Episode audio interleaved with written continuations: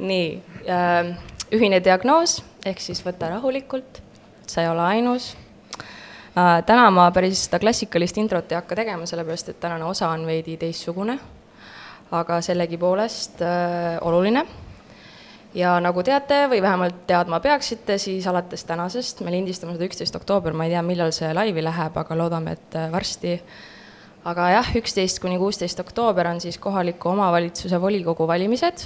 Äh, palun kõik inimesed, kes äh, saavad, minge valima, tehke oma osa, ärge pärast vinguge, kui te oma osa tegemata jätsite. ja täpsem info ka valimised.ee peaks vist olema mm -hmm. jah, jah.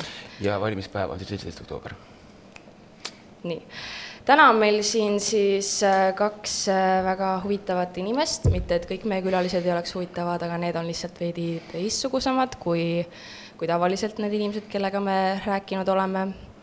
Äh, täna on siin siis kaks poliitikut jah, võin teid nimetada poliitikuteks. no muidugi. ja mm. Reformierakonnast on siis Kaspar Šabad. tervist. ja EKRE ridadest on Elvis Brouer. tere, tänan kutsumast ja nagu ma alati ütlen külalistele, siis äh, ma võiks neid tutvustada, aga ma arvan, et iga inimene oskab iseennast tutvustada kõige paremini, seega ma annan neile selle võimaluse seda teha, alustame siis Kasparist, räägi võib-olla paar sõna, kes, mis, kus mm. -hmm selge ähm,, jah, Kaspar on mu nimi äh,, olen Reformierakonna liige olnud aastast kaks tuhat neliteist, kui ma tulin tagasi Inglismaalt, kus ma õppisin kõrghariduse äh,. ametialased olen töötanud e-kaubandusvaldkonnas äh, ühtlasi nüüd, kus meil viimati oli teine Ratase valitsus, siis ma ei tea, kui palju suulaid teavad, võib-olla keegi teab niisugust kodanikuliikumist nagu Jah, jah, vabadus oli valedele. see oli minu algatatud, korraldasime neid iga neljapäevaseid meeleavaldusi Stenbocki maja ees. Et, et kõik see on, olen nagu tugevalt kodanikuaktivismiga tegelenud, olen olnud Nõmme linnaosakogu liige alates eelmisest kohalikest valimistest mm. -hmm. ja Nõmme on mulle väga südamelähedane, tulin ka Eestisse tagasi välismaalt, sellepärast et Eesti on südamelähedane mulle. tahtsid Nõmmele tagasi tulla? tahtsin Nõmmele tagasi tulla tõesti, aga mis meil tahta on, et see on nagu Tallinna osa ja samas sa elad nagu väikses külas, on ju, et mm, -hmm. et sul on nagu Tallinna linn on külje all, aga samas saad kohe minna ka rohelusse, et äh, tunduvalt parem kui, kui Londoni melu, kus ma ennem olin, et, et istub mulle veidike rohkem lihtsalt ja no. ja nii on ja praegu kandideerin ka tagasi.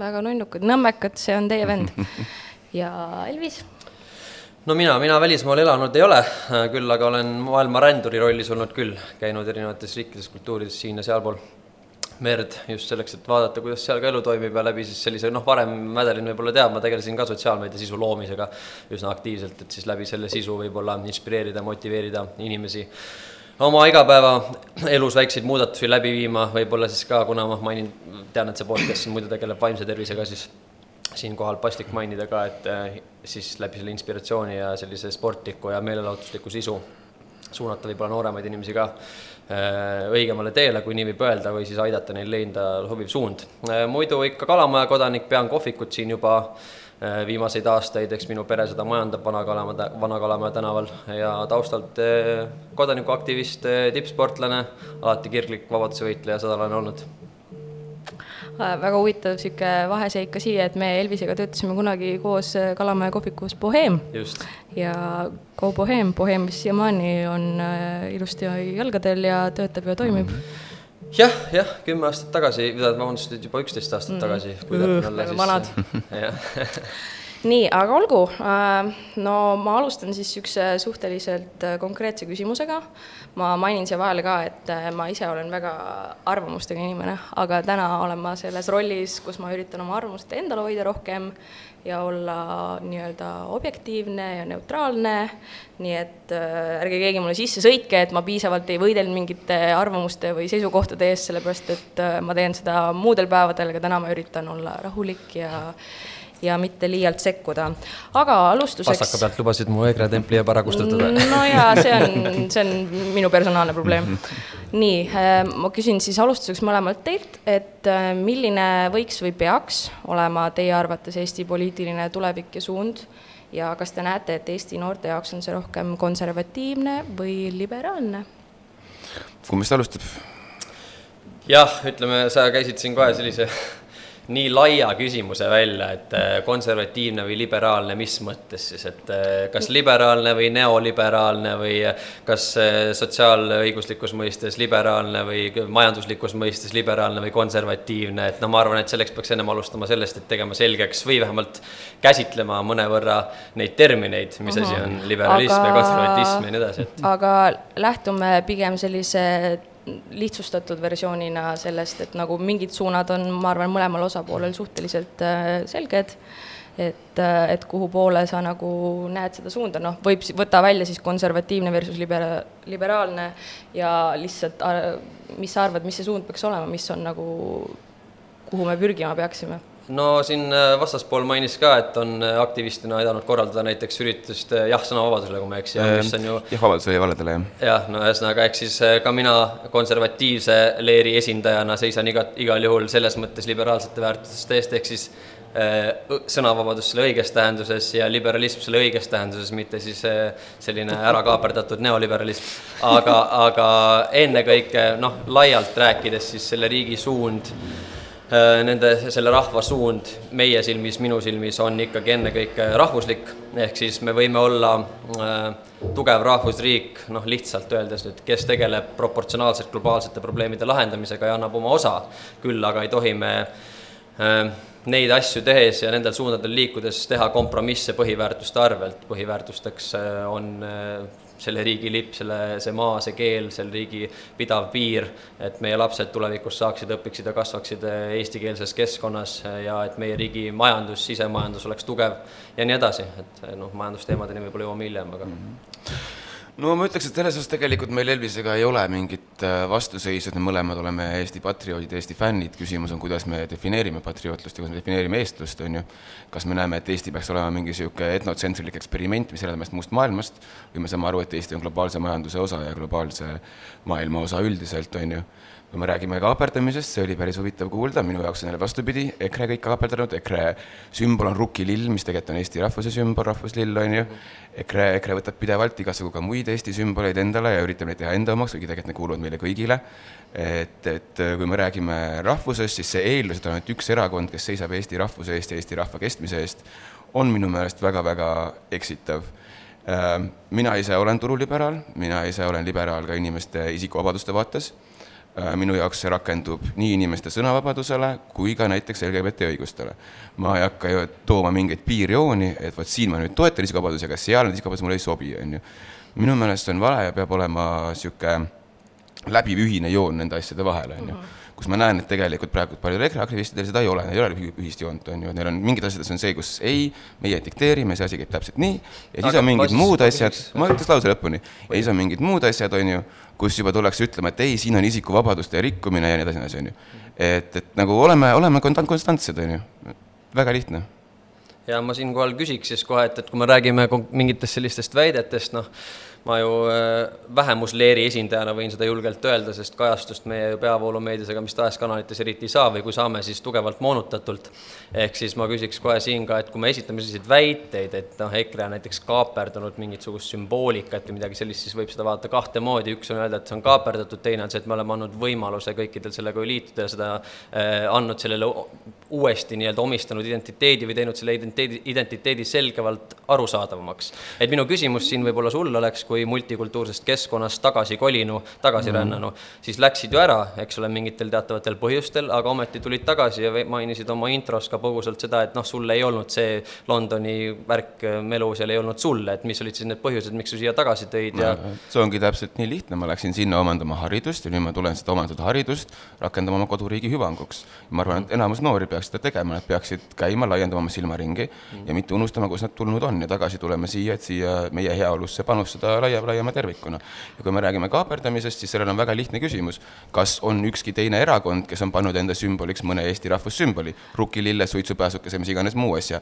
ja selle põhjal me näeme kohe ära, kes võtab Eesti rahvussümboleid enda isiklikeks sümboliteks. ma nüüd korra äh, pruugin ka suud siia vahele ja ütlen noh, omaenda seisukohast, mida ma siit nüüd äh, kokku natukene Äh, panen, on see, et kui ongi võtnud üks erakond sellised nii-öelda sümbolistlikud äh, asjad ja need määratlen siis kui nagu eestlaslikuks ja rahvuslikuks ja et kui oled äh, meie arvamuste ja, ja nii-öelda seisukohtadega samal poolel, siis otse kui oled sa nagu eest, eestlane ja Õige seisad eestlane, Eesti jah. rahvuse eest, aga kui sa ei ole üks meist, siis see tähendab, et sa oled nagu mitte seda kõike, mida, mille eest väidetavalt siis teie erakond seisab seisab. et äh, kommentaari selle koha pealt, kuidas sa ise tunned, et kas mille kohta need täpsemalt kommentaarid? no selle kohta, et ongi, et on et mingid te... kindlad seisukohad ja kui inimesed sellega nii-öelda ei nõustu, siis nad otse kui ei oleks äh,, ei oleks nii-öelda õiged eestlased või ei seisaks õigete Eesti väärtuste eest ja ja nii-öelda oleksid nagu Eesti vastased või, või, või mis iganes? no seda kindlasti mina ei väida ja ei ole ka tegelikult väitnud äh, mulle teadaolevalt ükski EKRE saadik, et äh, otse peavoolu... kindlasti mitte, aga võib-olla kaudselt? ei, no ma räägingi, et peavoolumeedia vahendusel mingitele, mingitele kontekstist välja levitud äh, sloganitele liig suure tähtsuse omistamine on vale tegu et äh, asi, mida ma tihti näiteks ka nüüd viimased paar nädalat siin ja noh, mõned nädalad on nädalavahetustel tegelenud selle valimi, välitööga nii-öelda, eks ole, kus me saame inimestega tänavatel ka suhelda ja ja asi, millega näiteks mina, mida mina pean, situatsioonid, mida mina pean tihti õigustama, on see, et äh, kuidas näiteks Martin Helme ütles kuskil ähm, palus homod Rootsi saata, eks ole, et näete, minge kõik sinna ja siis Mart Helme. Mart Helme ja et, et võimendati seda ja saati nad Rootsi, kuigi tegelikult sellist asja kunagi ei olnud, soovitan järgi igalühel võimalus minna, kuulata see podcast täies mahus ära ja äh, mis sealt kõlama jääb, on tegelikult, kui sa konteksti asja paned, on see, et vaadake, me ei, ei usu ja ei taha uskuda ja ei kannata kuulata sellist asja, et siin on nii kohutavalt halb. ei ole halb, võrdsuse, võimaluste võrdsuse eest seisame me kõik küll aga võrdseid tulemusi toru lõpust välja forsseerida ei saa, seda saab teha ainult sunniviisiliselt ja see on sügavalt antiliberaalne printsiip, mille eest EKRE ei seisa. Öeldi seda, mida öeldi, noh, võtame kasvõi ettevõtte näite, näiteks mina olen ettevõtja, onju. ka vastaspool on ettevõtlusega tegelenud, mul on ettevõttes sada töötajat ja üheksakümmend töötajat selles ettevõttes on oma tööga väga rahul, selle eluga rahul, tingimustega rahul, siis vähemusgrupp, see kümnepealine seltskond ei tule kunagi delegeerima sellele üheksakümnele, kuidas nemad asju ajama peavad. Kuidas tingimused peavad olema ümber sätitud ja millist poliitikat me viljeleme. Nad tuleb alati ära kuulata, neile tuleb luua täiendavad võimalused, aga me ei saa sellist vähemust sellisele vähemusgrupile mingisugust jõuõlga anda, sellepärast et kuidas me siis hakkame tegema, et noh, blondide puhul äh, on eluaeg tehtud rumalat nalja, eks ole, et mis me nüüd teeme, loome sealt vähemusgrupi. üksik ema ja üksik isa on olnud vähemusgrupp, mina, ma ei tea, tulin tänavalt üles kõik oma käte-jalgadega valmis teinud, see on see, mis mul on. Et asi nüüd üldse minu ümber keerleks, aga mis ma siis hakkan laulma sellest, kuidas mina pidin kolm ööd pargis magama ja protsenti hinge taga, et ma ei omista seda tähtsust, see on ohvrimentaliteet ja sellisel suunal liikuda on vale. tuleb võtta vastutus ja, ja, ja küll aga ma ütlen, vabandust, lõpetuseks selle ära, et võimaluste võrdsuse eest seisame me kõik ja see on ka sügavalt konservatiivne printsiip, selle eest seisab ka EKRE. aga sellist juttu rääkida, pea, olles lugenud ainult peavoolumeediat või vaadates neid kanaleid või minnes kaasa selle Youtube'ist ja sotsiaalmeediast ähm, noh, sellise narratiivi, sotsiaalmeedia narratiiviga, mis kujundab meie arvamust sügavalt, minnes kaasa sellega ja tõmmates siis kontekstist asju välja ja omistades neile suurem tähendus. see ei võimalda meil äh, neutraalset debatti üldse pidada ja nendest teemadest rääkida ma olen vastus kindlasti kohe.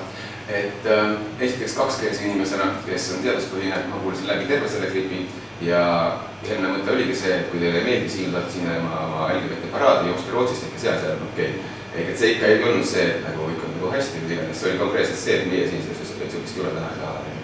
nüüd ähm, kui me räägime EKRE-st üldisemalt, siis meil on äh, Tallinnas siinsamas Viru keskuse kõrval on suur plakat, on ju, Martin Helme, Eestimeelse linnapea, teeme, teeme Tallinna eestikeelseks linnaks, on ju. samas Ida-Virumaal saab EKRE Keeleameti käest ettekirjutuse, kuna kõik plakaatid on venekeelsed, on ju. Et kuidagi hästi sihuke, sihuke savisaarlik värk, et nagu ühes paneme nagu ühte asja, teises paneme teist asja, on ju. et see on nagu minu jaoks nagu veidikene, veidikene kentsakas üldiselt asi EKRE puhul. Eh, midagi ütlesin veel, kui mul pärast äkki meeldib, mul praegu läks meelest ära aga üldiselt teie, teie puhul on hästi palju siukseid asju, kus te nagu ütlete, et kõik kiusavad ja kiusavad ja kiusavad, siis te ise nagu mingid ämbrid jälle tegid kiusavad teid, onju. et tegelikult on äkki nii, kui te rääkisite ühtset juttu, rääkisite igas info, infokanalis ühtset juttu ja ei ütleks meelega provotseerivaid asju, mis on teie kommunikatsioonist teie osa, mis lekkis välja äh, kaks tuhat kaheksateist aasta, võtame üheksateist aasta, äh, kui lekkis välja härra Espenbergi slaidid teie kommunikatsioonistrateegiast, kus oli kirjas, et teie eesmärk ongi provotseerida, kui ei oleks härra Martin Helme väljaütlemist, et agiteeri, provotseeri, improviseeri, et see ongi teie õpetussõna, on ju.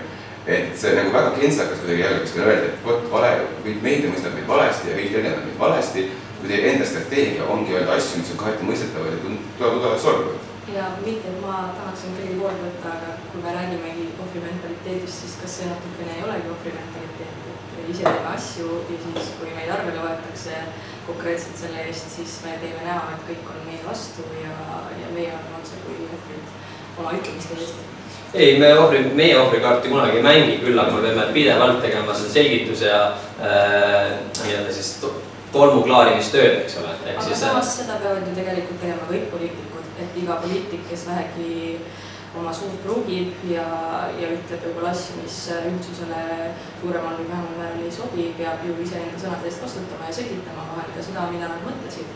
võib-olla on lihtsalt juhtunud nii, et mõned poliitikud ja mõned erakonnad teevad seda rohkem kui teised Äh, selles ma selles osas sinuga nõus, et kui keegi suurt pruugib, siis oma sõnade eest tuleb, tuleb alati võtta vastutus. Ehk siis, kui me tagajärgi ja see on jällegi konservatiivne printsiip, eks ole. ehk siis me, me ei saa öelda midagi ignorantselt arvates, et meie öeldul ei ole tagajärgi.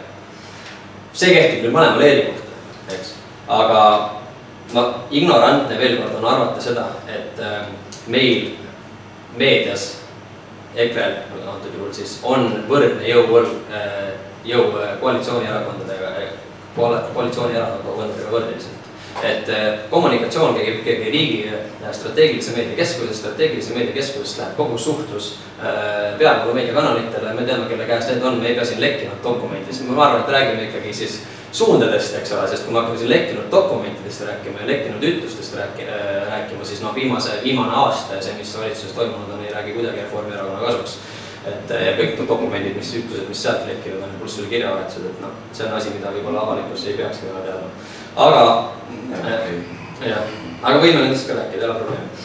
ehk siis äh, ja, ja rõhutan ühte asja veel, et äh, ka saate modereerija rõhutas enne, et üritab jääda erapooletuks, ehk siis ma tunnen, et ma annan siin täiendavaid vastuseid küsimustele, millele ma võib-olla ei peaks andma, aga hea küll, jätkame. no nagu ma ütlesin. no mul tuli meelde, mis ma tahtsin veel öelda jälle endisele siin, et sa rääkisid vähemustest ja me peame aktsepteerima asju, Eestis on äh, kolmteist protsenti inimesi iga, igapäevaselt, kes püsivalt on usklikud. See ei ole suur inimesi, see on umbes sama veel kui LGBT kogukond mm. -hmm. et kas sinu meelest äh, kristlikud väärtused, ELK, härra Urmas Viilma ja edasi äh, peaksid dikteerima Eesti kultuuriruumi, Eesti seadusloomet, sealhulgas siin riigis elama? või me oleme siiski sekulaarne riik, kus kristliku inimese iseasi, samuti nagu inimese voodipartner on iseasi?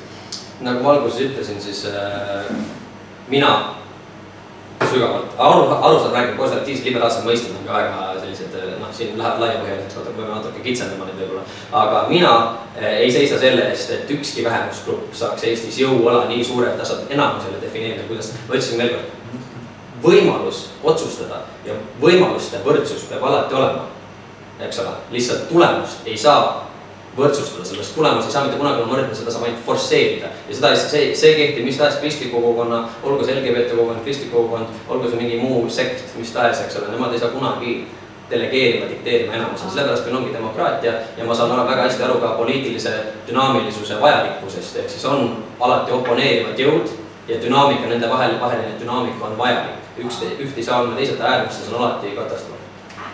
aga ma, ja ma ütlen, sul väga õige tähelepanek pean säilima neutraalsena ja ma üritan küll me jõuame sinu juurde ka ja sinu erakonna juurde.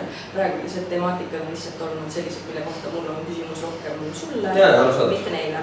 aga ma küsin seda ka, et kas sina ise isikuna, kes nii-öelda väidetavalt siis seisab äh, sõnavabaduse eest ja mm -hmm. kõikide inimeste vabaduse eest ja kõikidel inimestel on võrdsed õigused, kõik asjad.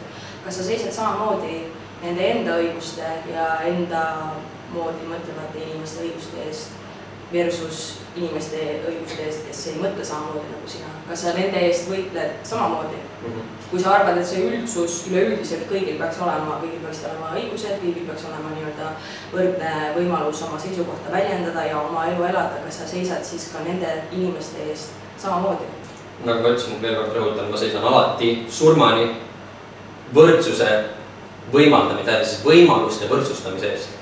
ehk siis kui mina siin ignorantselt hakkaksin kõigile ütlema, et noh, ütleme minu võib-olla konkreetne ütlemine või see, et ma teen näiteks sporti ja keegi on, ütleme, paks ja kellelgi seksuaalsed eelistused on teistsugused, eks ole, ja tänu sellele siis ütleksin, vaata, kõik peaksid tegema nii nagu mina, eks ole, sest mina pean seda siis see on ka vale. mind tuleb korrigeerida, kutsuda tagasi. sel juhul, eks ole.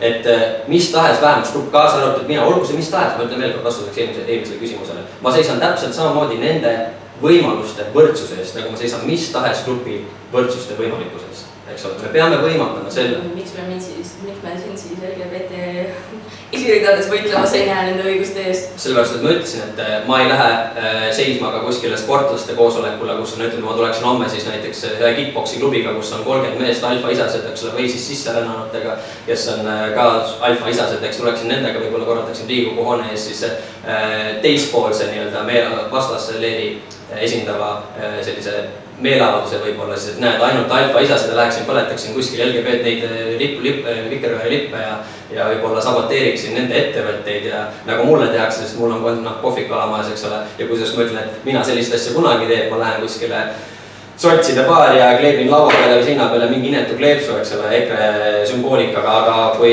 minu äh, kohvikus teatakse, noh nüüd kuna mul on avalik nägu ka, teatakse seda, et mina esindan rahvuslikke väärtusi, siis ei ole mingit probleemi LGBT kogukonna esindajatel tulla minu kohvikusse, kleepida solid ära ajalehe, EKRE ajalehe peale minu nägu, maalida sinna kõrvarõngad, teha, joonistada sinna, kleepida uste peale vikerkaare värvi igasugused peokleepsud lihtsalt sellepärast, et teha oma statement. ehk siis ma ütlen veel kord, ma ei pea seda emmale kummal juhul õigeks, ma ei lähe läbi ühe, ühegi mm, reklaamtahvli pealt ära ka nende plakateid, sellepärast las parem tiim võidab. ja mõned, kõik saavad oma asja, ehk siis võimalused peavad olema võrdsed, veel kord, eks ole, ja diskrimineerimisele peab alati järgnema karm karistus.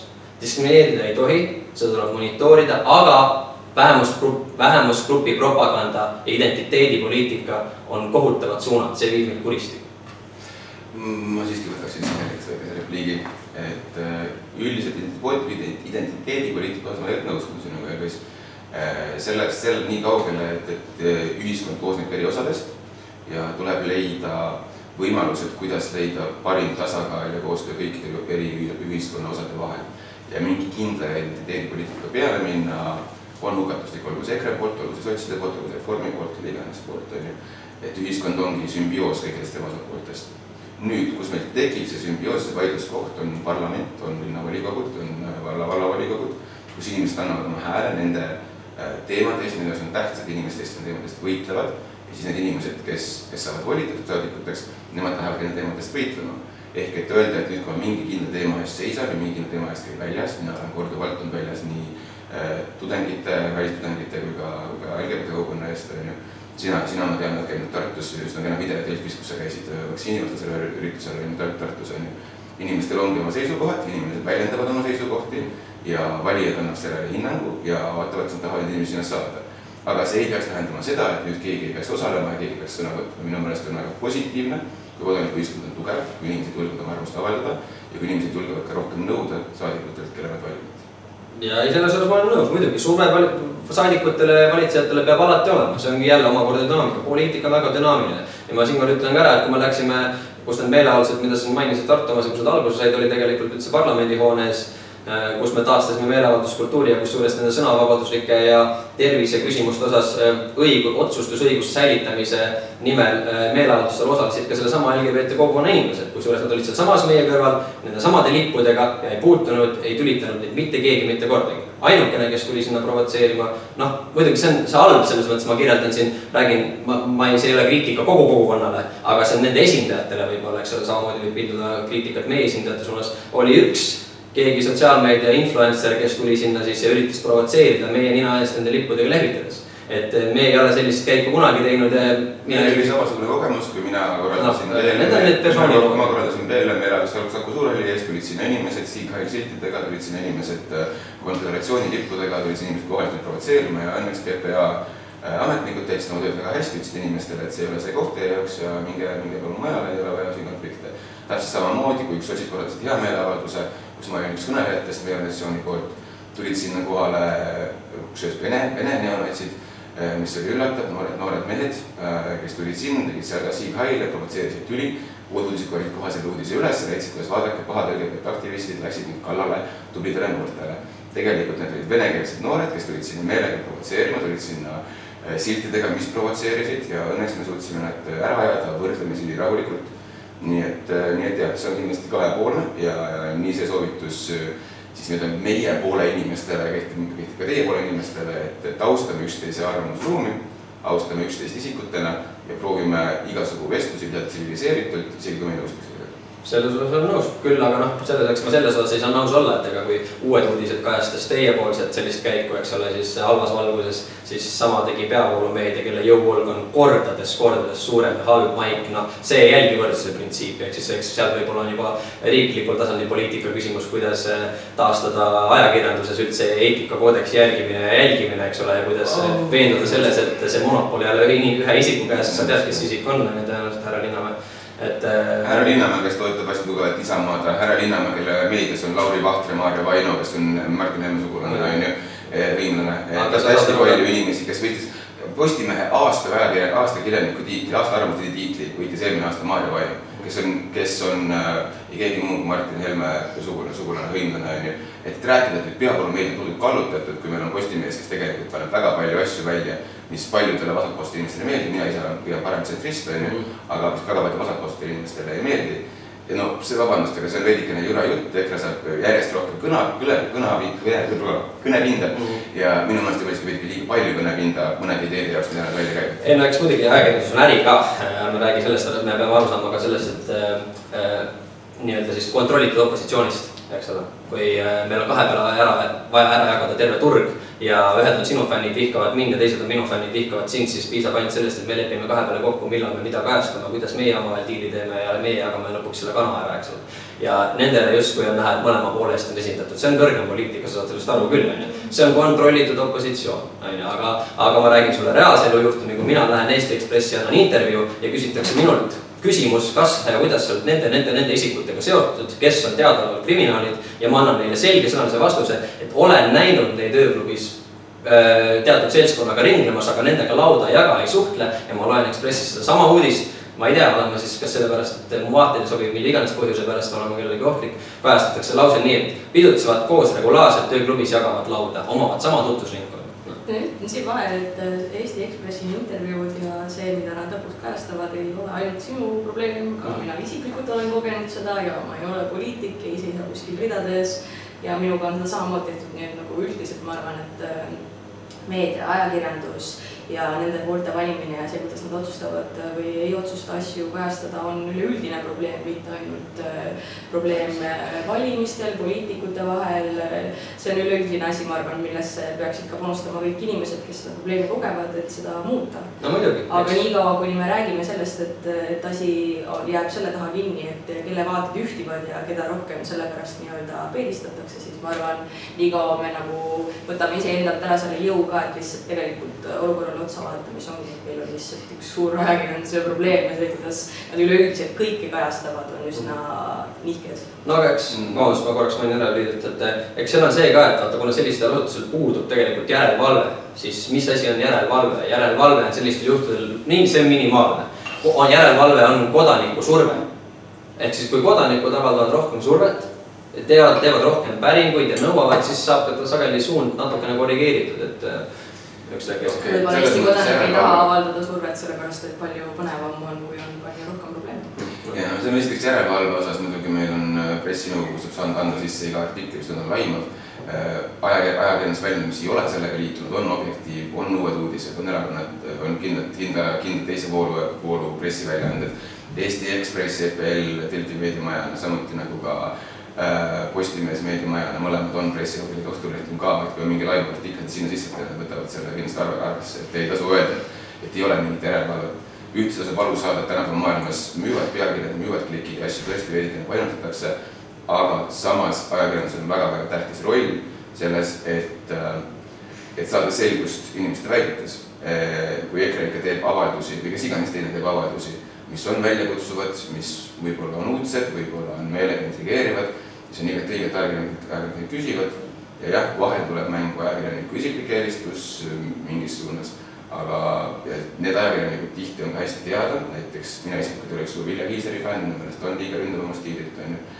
aga, aga need ajakirjaniku nimed on ka tavaliselt teada, kes, kes mismoodi käituvad ja kes on rohkem lugupidavad ja üritab rohkem asju õigesti kajastada, on ju. aga jällegi, pressinõukogu on koht, kuhu saab lihtsalt sisse, kui on laevatus ja olen väga hästi kursis küll ja eks siin oleneb sellest, mis teemasid käsitletakse ka, et äh, teatud teemadel võib muidugi enam-vähem neutraalselt kajastada või siis äh, aga, aga on teemad, mida kindlasti peavoolumeedia isegi kajastada, käsitleda ei taha, nad keelduvad, kui meil on kohtulahendid, konkreetsed kohtulahendid, kui meil on ähm, prokuratuuri tasandil infot äh,, mida me palume neil kajastada, siis millegipärast neid ei võeta isegi, noh, nendele ei anta mitte mingisugust kõne, kõnepinda, aga äh, ei, ei võeta isegi arutlusele seda, et meile saadetakse lihtsalt tagasi konkreetne äh, no lühike email, et puudus huvi ja kogu lugu, eks ole, et noh, see ei ole kuidagi neutraalsuse printsiip. aga kas see on ainult teie kogemus või on ajakirjandus valib pidevalt, mul on need pikalt tagasi lükatud, kuna need ei paku huvi.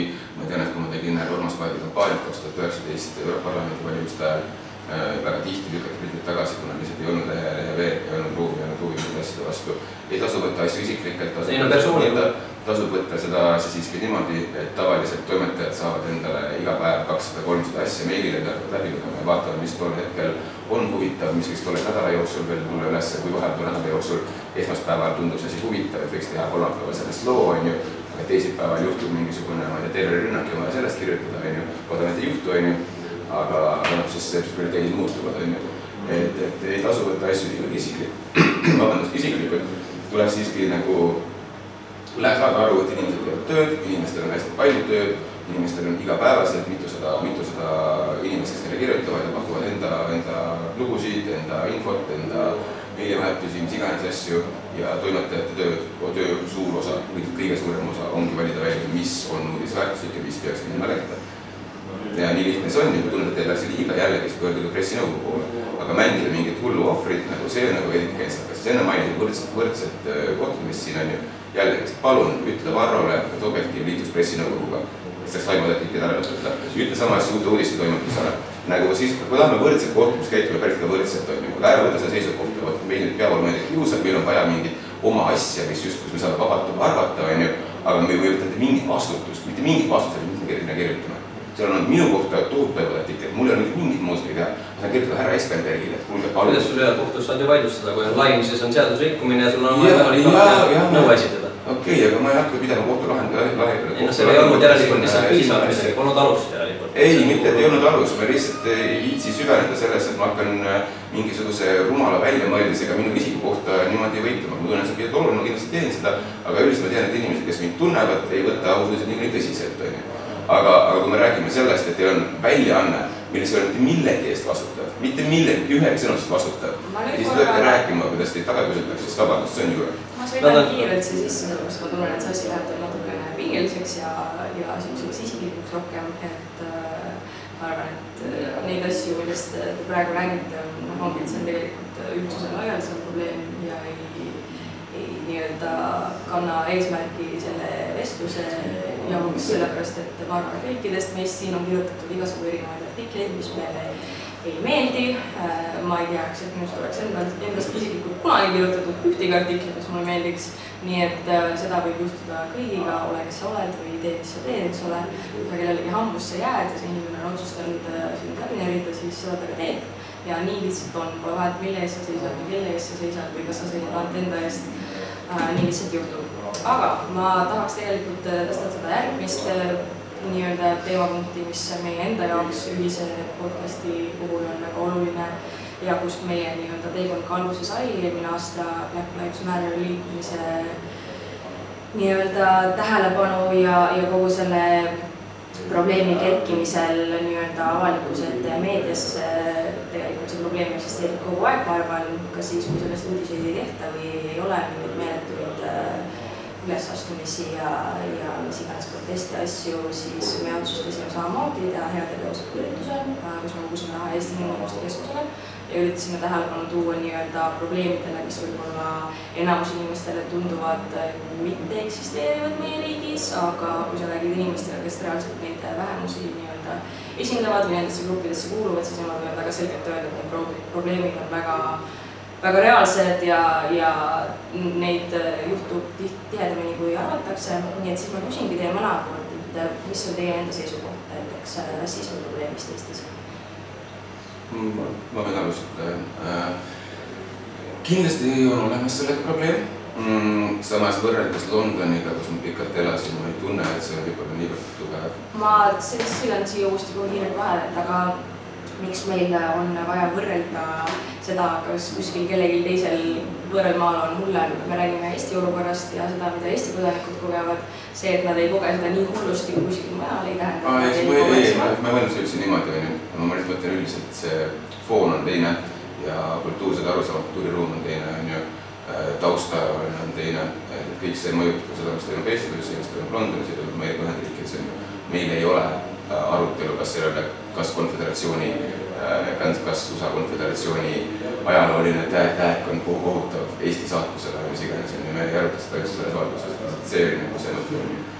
Mm, ma sain just täna, ei, täna varahommikul ühe kirja tuttavalt mustanahaliselt, kes elab siin, kes, kellele tuldi Nõmme turul vastu, öeldi, et mis sa teed siin, mine tagasi TalTechi, üldse riigist ära, on ju, ma sain sarnase kirja selle nädala, eelmise nädala lõpupoole äh, Õismäelt ühelt inimesest, kes Bolti kuldrinna sõitis et ma kindlasti ei ürita pisendada ega, kuidagi tühistada seda probleemi, see on kindlasti olemas. ma olen sellest hästi teadlik, ma olen korduvalt saanud tuttavatelt kaebusi ja ma arvan, et nendega peab väga vaja tegeleda. nüüd, kui ma räägin BLM-ist, kuna ma mõtlesin üks korraldajatest, kes rääkis korraldada seda Saku Suureni juures, siis mul on selle osas tekkinud mõningaid kahetsusi äh,.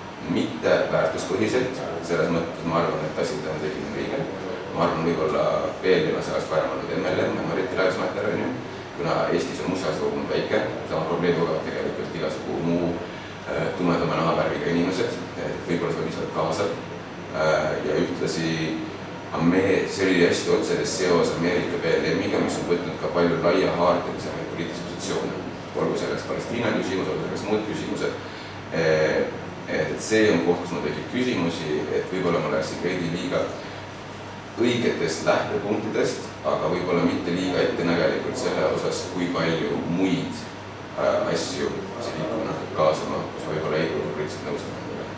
aga kas ma arvan, et see on probleem Eestis, ma arvan, et see on probleem, ma arvan, et see, sellega tuleb tegeleda läbi seletustöö ennekõike ja ma arvan, et sellega tuleb tööd, tööd, teha tööd läbi õigusabi. et inimesed teaksid, kuidas pöörduda PPA poole, et häbed julgeksid pöörduda PPA poole ja asjad leiaksid endale lahenduse Eesti kohtusüsteemis. ja samuti, et inimeste tegudel ja ütlustel oleks tagajärjed. täpselt. jah, no sa tõid siin välja, et sulle tuleb kaebusi mustade kogukonna poolt, siis samamoodi tuleb meile kaebusi päris palju selle kohta, kuidas noh, mul on inimesed, terved perekonnad, kes on sunnitud äh, vahetama, kolima Eesti ühest otsast teise, noh, see on võib-olla natuke liialdus, aga aga Tallinna-siseselt näiteks Mustamäe piirkondadest ja teistest piirkondadest kolivad praegu Äh, piirkondadesse, mis on võib-olla sõbralikumad, kus nad ei tunne sellist ohufaktorit, sellepärast et kogukonna tasandil, mida me näeme, mis toimub, on see, et noored emad, sageli ka minu enda sõbrannad, tuttavad, kes kolm-neli-viis aastat tagasi olid minu peale jube pahased.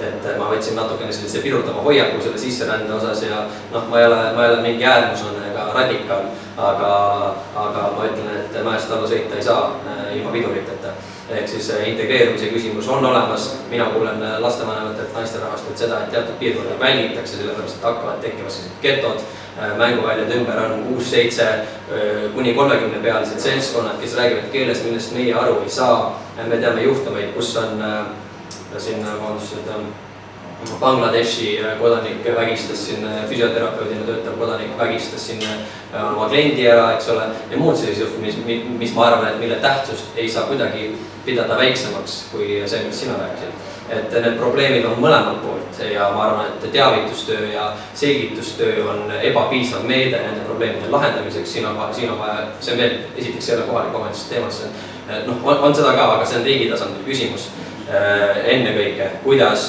äh, te tegeleda sellega, et nende in integreerumine, vabandust, oleks äh, sujuv, et see oleks ka tõhus, sellepärast et eh, nad peavad tulema meie keeleruumi, nad peavad ennekõike sellest aru saama, et lühiajaline tööjõud, mis siia tuleb, mõistagi integreerub, nemad rändavad ka välja, aga tööjõud ja elanikud, kes plaanivad siia pikemas perspektiivis jääda, siis nemad peavad võtma omaks ka selle riigi, ruumi, kultuuri ja keele ja nii edasi. aga ma korra ütlen ka, kas sa ei leia, et naiste vägistamine on üldine Eesti probleem, olenemata nende rahvusest või eh, noh, värvist? Hiljuti siin just meediast käis läbi samuti väga kõrgel kohal seisev äh, Eesti äh, valge meesterahvas, kes äh, väidetavalt või noh, ilmselt nüüd mitte väidetavalt, sest ta mõisteti süüdi, samuti ühe noore töökaaslase ära, et neid vägistamisi juhtub vahet pole, mis, mis, mis, mismoodi inimene välja näeb, kes selle toime pani, see on üldine probleem mehed versus naised. no vahe on, sest kultuuriruumi vahe, meie kultuur ja aga... usklik taust, religioonne taust on ikka mõnevõrra teistsugune. aga sellegipoolest vägistamisi toimub ka Eesti meeste ja, ja, ja ma seda ei välista, ta ei välista. Küll, küll, küll, aga toimub täpselt samamoodi ka äh, siin teise osapoole näitel nagu siis saab, saab päringuid, vabandust, siis kaebusi selle kohta, kuidas mustade kogukonna liikmeid on rünnatud ja turul kuidagi verbaalselt äh, siis võib-olla noh, ahistatud samamoodi on ahistatud meie koolides, eh, meie oma valgete kogukonnas on, olgu see eesti-vene debatt, olgu see lühikese ja pika mehe debatt, olgu see koolis, eh, ma ei tea, teist juuksevärvi keelitukka kandva mehe debatt on ju, olgu see solaariumis käiva mehe ja mitte käiva trenni tegeva mehe vaheline mingi selline vastasseis, et seda juhtub. nagu vägistamist juhtub, mõistagi juhtub ka neid teisi asju. Vene, venelased peksavad üksteist, on ju, eestlased lähevad oma venelastega hakkama ma räägin sulle, ähm, me lähme ärilistel põhjustel, kisume teineteist ribadeks, et see on kõik loomulik osa, seda me ei väldi. küll aga me räägime sellest, et noh, ma toon siin lihtsalt näite ajaloost, et äh, ma ei ütle, et nende integreerimisega ei pea tegelema, peab tegelema, aga meil peab olema täpselt selgelt teada, milliste tingimuste alusel nad siia tulevad, palju nad tulevad, kui kauaks nad jäävad ja kas need, kes jäävad, on valmis integreeruma meie ruumi. ma toon näite, vabandust, kohe lõpetan, äh, on äh, Bangladeshi, seitsmekümnendatel oli näiteks see Bangladeshi vabadussõda kus vägistati kakssada, kolmsada tuhat naisterahvast ära, eks ole.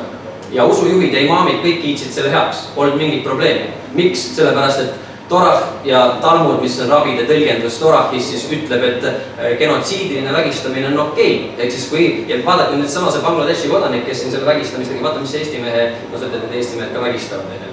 okei, aga. ma ütlesin, et kõik mehed no kõik mehed, okei okay,, noh. Sinna, päris sinna teemasse. ei, ma ei ütle, ma ei ütle, seda, et kõik mehed aga ma ütlen, ma räägin lihtsalt sellest, kui. Läheb natuke luhakaks, et see, see tuleb teisest kohast, see on moraalsete väärtuste kaasaandmine kodust ja koolist ja nii edasi, kust see tuleb, aga äh, usujuhid, imaamid kiitsid selle heaks, miks? sellepärast, et suur osa nendest võib seda näha, meie ei tea, aga seesama meesterahvas ütles kohtus väga selgelt, ma saan aru, et ma panin toime kuriteo teie seaduste mõistes, aga ma ei näe seda väära teona.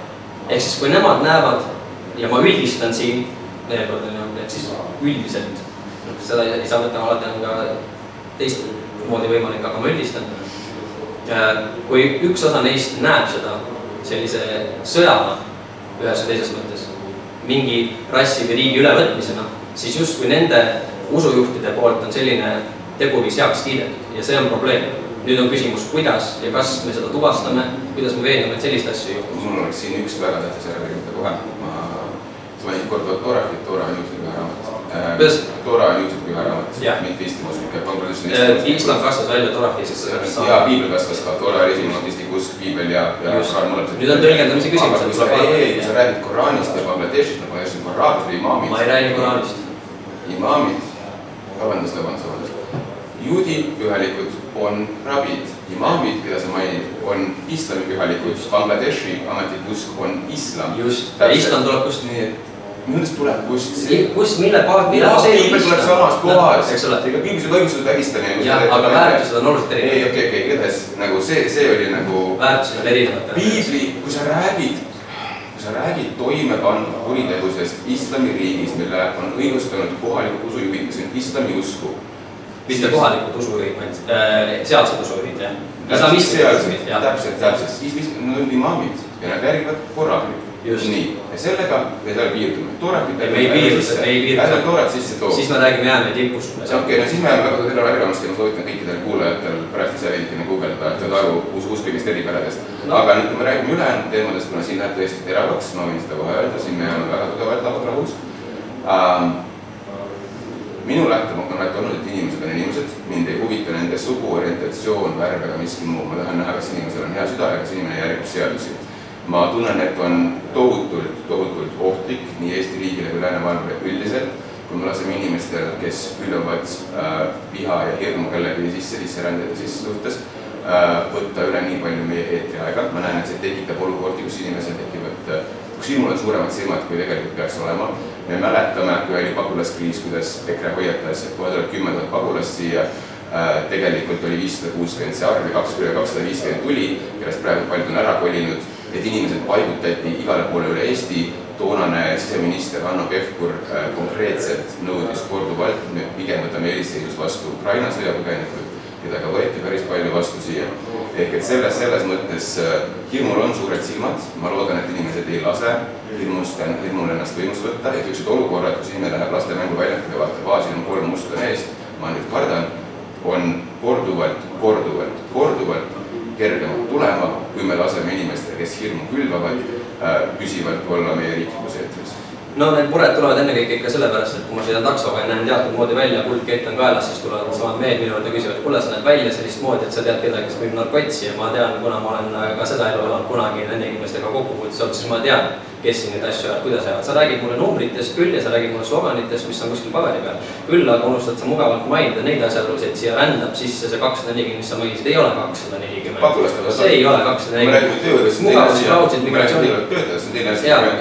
aga migratsioonilepetes on mugavusklauslit sees, mis ütleb, igaüks võib kaasa võtta kuni viis pereliiget, mis on, tähendab, et no, me teeme, meil on reaalselt äh, nii-öelda siis äh, rohujuure tasandil inimesed äh, haridusasutustes, kes toovad meile, räägivad meile juhtumeid sellest, kuidas nende isikutõendid on võltsitud ja hambakaartide alusel tuvastatud, inimesed ei ole üldse nii vanad, kui nad on. kümme tuhat inimest tuleb aastas, iga aasta Soomes, kolib Soome, emigreerub Soome, nad tulevad siia elama Soomes, sellepärast siin on odavam tööd teha. Odavam, vabandust, palk, tähendab sotsiaaltoetus, mis nad sealt saavad, pluss see palk, mis siin nad saavad. Ja siis elatustase, kuna meil on madalam, siis nad jäävad siia, nendel inimestel pole plaaniski siia kultuur, kultuuriruumi integreeruda. vot see on probleem, ehk siis sõjapagulaste küsimus, ma ei räägi, kuskil on sõjaline kriis, sõjaline kriis ja inimesed on reaalsed sõjapõgenikud, me oleme selle tuvastanud, kindlaks teinud, siis ma ei näe probleemi proportsionaalselt selle probleemi lahendamises osaleda. ennekõike tuleb pakkuda neile abi seal, kus nemad on ja kui see ei ole võimalik, siis selge, proportsionaalselt teeme oma osa. mis on Eesti kvoot, null või rohkem? no kvoodi all pead sa nüüd silmas mida siis täpselt? no ma mõtlen silmas, sa rääkisid. ei no räägi, mis kvoot, kümme tuhat on kvoot praegu. ei, sa ütlesid, et, Eesti EKRE on pikalt olnud, meie kvoot on null. ma küsin, mis on sinu jaoks kui erakonna liikme jaoks, kui palju sõjapagulasi, sõjapõgenikke võiks vastu võtta? kümme, viisteist, sada, Afganistanist praegu näiteks, kui mitu me võiksime vastu võtta? Afganistanist, kuule, kes Afganistanis ja Afganistanis me, see ei saa rääkida jälle sõjapõgenikest nii pealiskaudselt, et seal on, kes seal üldse on sõjapõgenikud, eks ole kes on üldse seal, kellel, kes on poliitvangid ja nii edasi, noh, see, see teema on liiga pikk. aga, aga ma mäletan, et noh, kvoodid, sa küsid, annan lihtsama vastuse siis äh,. kui on tegemist reaalsete sõjapõgenikega, see on tuvastatud, kindlaks tehtud ja nad on noh, siis proportsionaalselt Eesti riigil pakkuda abi neile kas seal, sealsel tasandil või tuua siia ajutiselt nad sisse, ei ole probleem. ma ei saa öelda, et hulgu palju vaja, aga noh, see võib olla võib-olla vahem, vahem, noh, vahemiku järgus kuskil kuni kümme tuhat, ütleksin mina personaalselt siin see on riikliku tasandi poliitika, milles mul praegu kahjuks sõnaõigust ei ole, aga see peab olema väga-väga hoolikalt monitooritud, ellu viidud ja esimesel võimalusel, kui riiklikul tasandil nendes nii-öelda siis sihtkohtades on stabiilsus tagatud, tuleb nad taga, saata sinna tagasi. kui nad selleks hetkeks ei ole integreerunud sellesse ruumi ja saanud siin väärtuslikuks tööjõuks või kultuuriruumi osaks. ma teen sulle sõbraliku soovituse mõni päev käia läbi pagulasabikeskustest ja, ja rääkida inimestega, kes seal on, sa näed seal päris paljusid inimesi, kes on tulnud erinevatest riikidest, Iraanist, Afganistanist ja, ja Süüriast ja nii edasi, kelle, kes on ilusti Eesti kombruumi ära sulandunud, kes ilusti räägivad eesti keelt, kelle lapsed räägivad eesti keelt. ja seda ma ei vähenda, seda ma ei vähendagi. lihtsalt, et sa tutvuksid ka õige nende inimestega ja ise ka näeksid tegelikult, mis elu nad elavad ja ma saan nendest, ma sõidan iga nädalavahetus äh, Eesti kogukondade vahel ringi, käin kogukonna liikmetega vestlemas ja, ja laatadel nendega nii-öelda nõu pidamas ja äh, ma ei ole ainus, kes seda probleemi näeb. kohalikul tasandil on väga paljud inimesed mure, meil, meil, meil ehitatakse kortermaju äh, kogukondadesse, kus ei ole praegu ühtegi kodanikku, väidetavalt ehitatakse need kogukondade majasid, uusi maju, siis selliseid noh, mikrokorteritega majasid kohalikele äh, santidele ja vaestele. Kui need kohalikud sandid ja vaesed nii-öelda on teinud taotlused sinna äh, majja endale siis koht saada, siis tuleb sellele kindlalt eitav vastus, ütle nüüd sina mulle, kellele neid maju sinna ehitatakse ma ütleks inimestele öeldakse, et äh, need majad ehitatakse. kuidas? Nendele inimestele, kelle, kelle jaoks neid ehitatakse, keda sa mainisid ah,. Äh, ma saan aru, et EKRE-l on mingisugune, okei okay,, ma ei hakka minema sinna, põhimõtteliselt meil on siin tugev lahkheli, mina siiski jään selle juurde, et äh, Eestile on kasulik, kui meil tuleb siia välismaalt inimesi, eriti kui see kõrgharitud inimesi, keda meil tuleb siia tõesti mitmeid sadu, minu meelest on väga tervitatav, et äh, igasugused inimesed, kes tulevad siia meie startup sektorisse panustama, kes maksuraha siia jätavad äh,, minu meelest on tervitatav. mis ta võiks olla rohkem? poliitilise tööjõu sisserändamise äh, vastu ei ole mul mitte midagi, äh, küll aga seal on veel üks asi, et need samad startup'id, ettevõtted, mis siia luuakse, tuleb veenda, et see kapital jääks ka Eestisse, et ei võetaks kapitali sealt välja. nii, me oleme nüüd jõudnud sinna punkti, kus siin on äh, nagu pingpongi mäng käiks ja ma lihtsalt ütlen äh, vahele enda seisukoha ja see, mida ma tegelikult, nojah, aga saab valikust mööda saab Äh, ma, minu, tegelikult kus see küsimus minu jaoks alguse sai, mida ma nagu selle all mõtlesin kõige rohkem, oli lihtsalt ka see, et äh, minu silmis see, noh, minu enda personaalne arvamus, nagu ma ütlesin, et ma jään neutraalseks, aga ma pean ka vaid veits arvamust avaldama, on see, et ma arvan, et see ei ole nagu poliit-, ma saan aru, et mingites teatud mingite teatud juhtumite puhul teatud olukordades kindlasti on, aga üleüldiselt ei ole see minu meelest mitte poliitiline või usuline seisukoht, vaid need on nagu inimeste väärtused ja empaatiavõime teiste suhtes. ehk siis jah, me räägime sellest, et äh, sisseränne ja mida need inimesed, mis probleeme nad siin tekitavad ja mis probleemid esile hakkavad kerkima ja inimesed tunnevad hirmu või inimesed ei tunne ennast turvaliselt, siis ma arvan, et see küsimus jääb palju ka taha selle juurde, et või selle taha kinni, et äh, Eesti inimesi või üldse inimesi maailmas ei harita piisavalt äh, selle suhtes, äh, kust need hirmud tulevad, miks need tulevad ja kas need on põhjendatud või õigustatud, nagu ma ütlesin, ma ei, ma ei mõelnud tegelikult selle seda, et kõik mehed vägistavad, absoluutselt mitte. ma mõtlesin lihtsalt seda, et mina naisterahvana tunnen mees ei vägista, lepime kokku, et ta on meessoost olendid mingisugused. okei okay,, olgu, selge. aga mees ei vägista. nii, selge, jah, okei okay.. aga mu point äh, on ikkagi see, et mina naisterahvana üleüldiselt äh, tunnen hirmu rohkem meeste ees kui see, et see mees on teatud nahavärvi või teatud rahvusest või teatud välimusega või mis iganes. mina leian, et probleem on üleüldiselt lihtsalt äh, selles hirmus, mis meil naistena esile kerkib, kui me näiteks näeme kolme, kolmekümne pealist meestegruppi tänaval vastu kõndimas, siis ma tean, et tihtipeale see olukord ei saa olema minu jaoks meeldiv nii, äh, teine asi, mida ma mõtlesin selle rassismi probleemi all, on see, et meil on ka endal väga palju eestlaseid, kellel on teistsugune nahavärv ja kes sellest olenemata kogevad väga palju rassismi, kas igapäevaselt, äh, isegi kui see juhtub ainult iga nädal, see juhtub ikkagi, see on väga ebameeldiv ja ma leian, et inimesi peaks harima selle suhtes, et inimene, inimest eelkõige, enne kui ta ei anna sulle põhjust vaadata teda teistmoodi, peaks vaatama inimesena nii, kui ta nüüd annab sulle põhjuse teda teistmoodi vaadata, siis aga palun, tee seda. Aga ma ütlen, et need probleemid, mis nii-öelda meil nende sisserännanutega esile kerkivad, et keegi vägistas oma naist või keegi tegi seda või keegi tegi kolmandat, need probleemid on meil samamoodi siin valgete Eesti meestega aga neid lihtsalt, neid ei too, too tooda esile sellisel viisil, et me hakkaks nüüd mõtlema, et kõik valged Eesti mehed, issand, mis me nüüd nendega teeme ja mis neist saab. see oli minu point ma nüüd rohkem sellesse teemasse ei hakka laskuma, sellepärast et siin see piu-piu-piu läks juba päris tuliseks ja mul tuleb just, et ma ei tea, kus see siin hoones viibib. no ma omalt poolt tänan sind selle eest, et sa meid kahte ei pelga, me saame sinuga tänast nii rääkida. ja, nii palju kui ma. ja rõhutan, et Eesti mees, Eesti inglid peavad olema kaitstud, hoitud, ehk siis see on meie konservatiivide samamoodi äh, fundamentaalne printsiip mm. -hmm no väga tore, aitäh teile. ja nüüd lõpetuseks ka, kuna meil on suht äh, lühike aeg jäänud, praktiliselt ei olegi aega jäänud, siis ma mõtlesin, et kuna praegu on tulnud siiani, et ma olen rohkem Elvist grillinud ja EKRE-t grillinud siin, siis äh, mu grillil on veel ruumi. ja Vardasse ma saan tõmmata ka veidi Kaspari. ma küsikski sinult ka, et äh, kuidas sa ise Reformierakondlasena tunned, et äh, reformikud ikkagi on päris pikalt võimul olnud meil siin suuremal või vähemal määral aga on, eks ole, ja on ka siiani üks kõige valitumaid erakondasid ikkagi. Ja, ja kuidas sa ise tunned nagu mineviku puudujäägid, sest et neid muudatusi, mis, mida me kõik oleme lootnud ja tahtnud ja oodanud, neid ei ole nii suurel viisil nii tugevalt sisse ikkagi viidud, kuidas sa tunned, et äh, tulevikus äh, saab neid puudujääke nagu noh, nende suhtes edendusi teha et mida sina ise näeksid, mis, mis võiks olla näiteks Reformierakonna poolt nagu mingid suuremad ja paremad sammud ja, ja mis on teie puudujäägid? no kui ma alustaks sellest, ma olen pikalt võimul olnud, et äh, see on tihti punkt, mida räägitakse, et igavene Reformierakonna võim on ju, me oleme praegu tulnud viisaselt võimule eemal, enne Kaja tuli uuesti, oli viisaselt eemal. enne seda olime võimul kaksteist aastat koalitsiooni juhina Äh, aga me olime kahes valitsuses, olime vähemuspartner, olime Juhan Partsi valitsuses ja Mart Laarises valitsuses. et tihti inimesed seda ära, liidavad selle kokku Reformierakonna ühtseks ajaks, tegelikult me olime väike partner kahes revolutsioonis. et need on kindlasti ka asjad, mis tuleb selle perioodi mõtlemise peale lahti võtta. Äh, olnud ka väga niisuguseid maailma muutvaid sündmusi, nagu oli majanduslangus, mis tähendas, et igasugune areng sai pärsitud tugevalt sellest ja tuli teha mingeid samme, mida võib-olla, ilma milleta võib-olla Eesti oleks palju kaugemal hetkel. millist sa mõtled majanduslangust? kaks tuhat seitse, kaheksa, üheksakümmend, no Eestis üheksakümmend on aga jah, et selles mõttes, et no inimesed tihti näiteks naeravad selle riigist rikkama riigi hulga, hulka asja üle, on ju. toonaste analüüside järgi see tegelikult oli tehtav, see viisteist aastat oleks saanud kaks tuhat kakskümmend kaks alles täis. ehk et see poleks kohal veel tehniliselt, selle sisse ei olnud majanduslangus või ja muud asjad, on ju. et, et minu meelest on veits kentsakas, kui inimesed seda loosungit narrivad, kuna nad ei et sisse üldse muid tegureid. mis võiks reformis muutuda äh,? mina ise oma erakonnas sees olen võib-olla veidike niisugune siseopositsionääri rollis mingil määral olnud mingitel hetkedel. ma ei ole kunagi olnud see inimene, kes pelgab öelda asju, mille eest ma seisan isegi küsimust.